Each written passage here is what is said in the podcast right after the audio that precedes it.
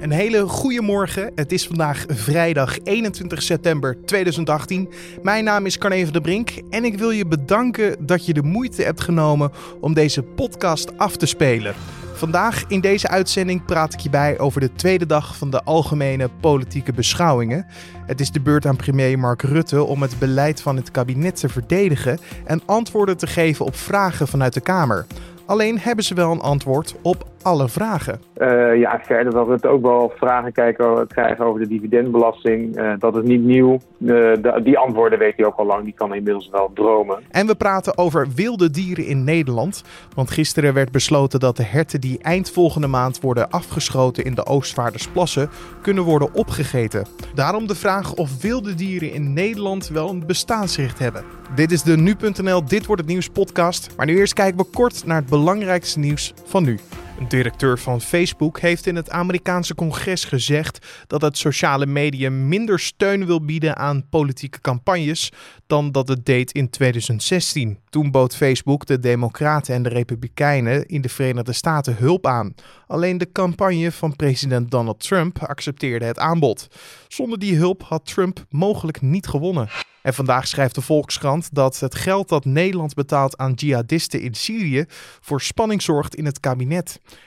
CDA en ChristenUnie blijven Kamervragen stellen aan minister van Buitenlandse Zaken Stef Blok, die dat niet op prijs stelt. D66 wil ook meer weten van de Nederlandse steun, maar wacht het debat af. De gemeenteraad van Loon op Zand heeft ingestemd met een uitbreiding van attractiepark De Efteling. Zo komt er ruimte voor meerdere nieuwe attracties. De raad maakt zich nog wel zorgen om al het extra verkeer dat wordt verwacht. Het Sprookjespark in Kaatsheuvel krijgt toestemming om ten westen en ten oosten te groeien buiten de huidige parkgrenzen. In het Groningse dorp Muzelkanaal zijn tientallen woningen ontruimd vanwege een brand in een fietszaak. Onder meer de inwoners van een zorg- en revalidatiecentrum in de buurt zijn naar een opvanglocatie gebracht. De brand brak rond tien over elf uit in een fietszaak aan de Markstraat. De mensen mogen vandaag waarschijnlijk weer naar huis. En dan gaan we kijken naar de dag van vandaag, oftewel dit wordt het nieuws. Tijdens de eerste dag van de algemene politieke beschouwingen kwam de Tweede Kamer aan het woord. Vandaag is het de beurt aan premier Mark Rutte om het beleid van het kabinet te verdedigen en antwoorden te geven op vragen vanuit de Kamer. Vervolgens krijgen de fractievoorzitters nog een keer het woord, waarna Rutte nog eens kan reageren op eventuele moties. Ik belde met politiek verslaggever Edo van der Groot en hij vertelde mij wat hem het meest is bijgebleven van de eerste dag van de algemene beschouwingen en wat vandaag de hoofdonderwerpen zullen zijn. Nou, dat is toch wel het VVD-plan om de volgens de partij mislukte integratie in achterstandswijken aan te pakken. En daar kwam toch wel heel veel kritiek op. Ja, in Edo, kan je ons dat plan nog één keer uitleggen? Ja, Klaas Dijkhoff, de fractievoorzitter van de VVD, die wil dat het, plan gaat, uh, dat het kabinet gaat kijken naar zijn uh, plan. hij wil dat het kabinet wijken selecteert op vijf criteria. die wijken moeten een laag inkomen hebben, laag opgeleid zijn, hoge werkloosheid, hoge criminaliteit en minimaal 50% bestaan uit niet-westerse allochtonen. En met name dat laatste is toch wel een gevoelig puntje. hij wil in die wijken wil hij de zwaardere straffen op kunnen leggen. Uh, ook moeten ouders hun kinderen verplicht naar de opvang sturen om de Nederlandse taal en cultuur te leren. En ja, werken ze niet mee, dan kunnen ze worden gekort op de uitkering of kinderbijslag. Uh, en dat is een beetje het idee naar een uh, Deens model, waarin ze dat ook aan het uitproberen zijn. En eigenlijk kon je wel zien dat het plan al werd afgeschoten nog voordat het is ingediend.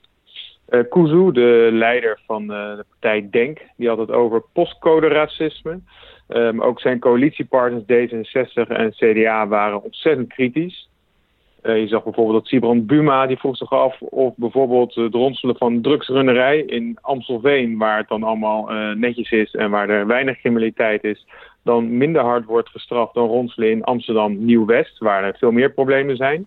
Is natuurlijk een soort van rechtsongelijkheid. Ja, D66-leider Alexander Pechtold was ook kritisch. Hij noemde het plan zelfs idioot. Uh, en zegt, hij zei eigenlijk al van ja, dit gaat niet gebeuren, ik ga hiervoor liggen.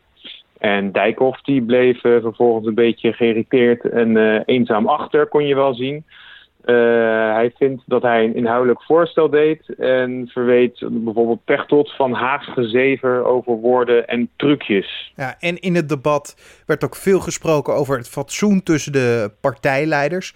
En ik zou tegen de heer Kuzo willen zeggen, Rot zelf lekker op. U hoort hier niet thuis. Dat jongeren die hier zijn geboren en getogen moeten oppleuren of oprotten, dat die wat mij betreft zelf een biezen kunnen pakken. En daar is de heer Wilders het levende voorbeeld van. Willen wij hier alsjeblieft privé en publieke zaak uit elkaar houden. Want de mensen zitten te wachten op een debat over hun toekomst, over hun zorgen. En laten we hier niet een soort veredelde roddelbladen debat van maken. Ja, dat uh, rot op. Dat was helemaal aan het begin van het debat. Uh, Kuzu zei afgelopen zomer dat als autochtone Nederlanders het veranderende Nederlanders met mensen van verschillende achtergronden niet bevalt, dat ze dan maar moeten oprotten. En Wilders geeft dat eigenlijk nu aan om te zeggen dat Kuzu zelf maar moet oprotten. Hij zei zelfs, uh, u hoort hier niet thuis, u bent uh, vergif van deze samenleving en van deze democratie. Het zou zijn land niet zijn, Turkije, hè, hij is van Turkse komaf, zou zijn land moeten zijn, daar zou hij dan maar naartoe moeten gaan.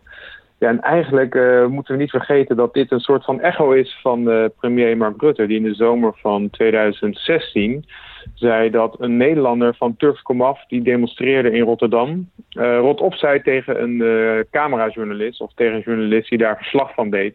En ja, god, laat ik zeggen, als je dit allemaal zo terugleest en op dat moment allemaal zo live ziet, uh, het is niet vrij wanneer twee gekozen parlementariërs, hè, laten we dat vooropstellen, het zijn gewoon gekozen parlementariërs, tegen elkaar in de, in de plenaire zaal zeggen: rot lekker op, nee, jij moet lekker oprotten. Ja, en dan was inderdaad ook nog de privé-kwestie van uh, Pechtold.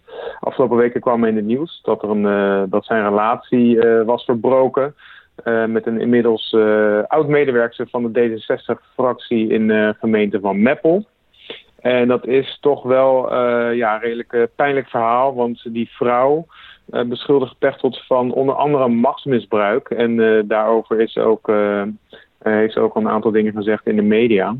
En nu was een beetje de vraag, komt er naar voren in het debat? Nou ja, als het dan naar voren zou komen, dan komen dan niemand anders kunnen doen dan dat wilde Saint zo. Die maakte daar een opmerking over.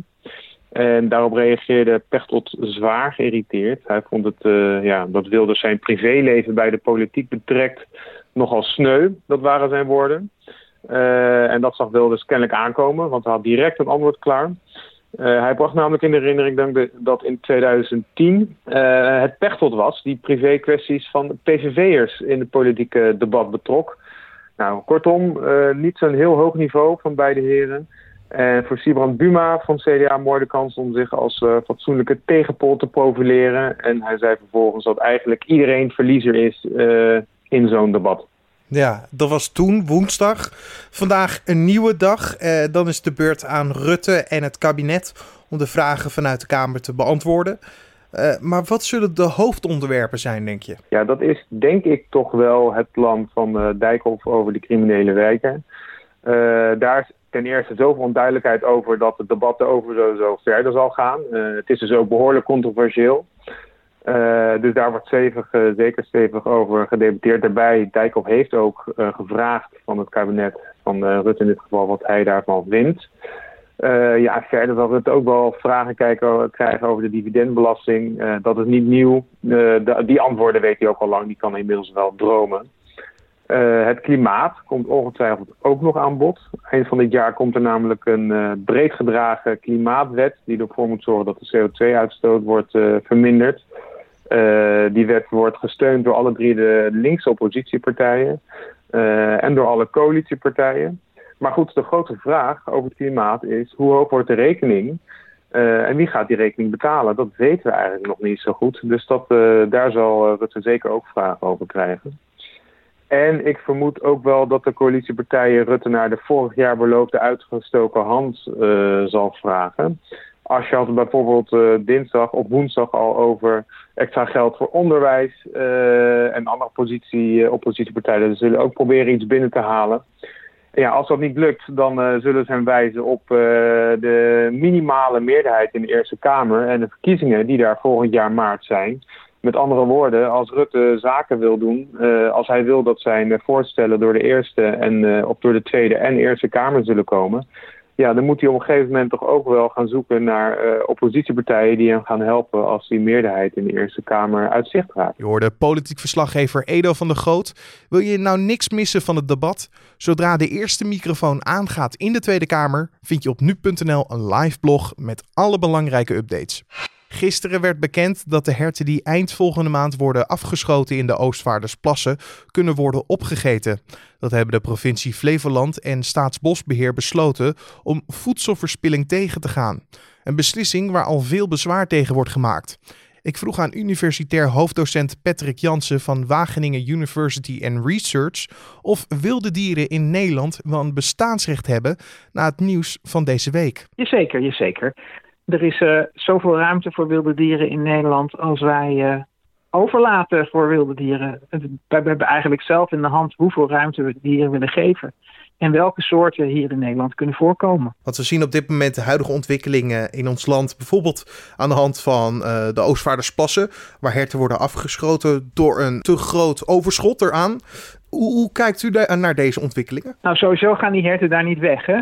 Die, uh, de aantallen worden kleiner, maar daar blijven gewoon wilde dieren. Alleen uh, de populatie zal iets minder wild zijn. Dus daar zie je wel een verschuiving van, uh, ja, van meer wilde natuur naar meer beheerde natuur. En van, van beide typen, dus eigenlijk een continuum van heel wild tot heel beheerd, hebben we in Nederland heel veel verschillende voorbeelden. En de is een voorbeeld nu van uh, relatief wilde natuur. En als je kijkt namelijk naar die Oostvaardersplassen, het gaat nu om het feit dat uh, de, de afgeschoten herten uh, gebruikt mogen worden voor consumptie. Valt u nog een aantal opmerkelijke dingen aan dit nieuws op? Nou ja, de, de beslissing om te schieten, daar, daar is zoveel over gesproken. Hè? Dat heeft te maken met ja, wat vind je, welke doelen heb je met dat gebied? In hoeverre wil je het gebied zijn gang, zijn gang laten gaan of wil je daar controle op uitoefenen? wat je vervolgens, hoe je dat afschieten doet en wat je doet met die dode beesten, dat is alweer een heel ander verhaal.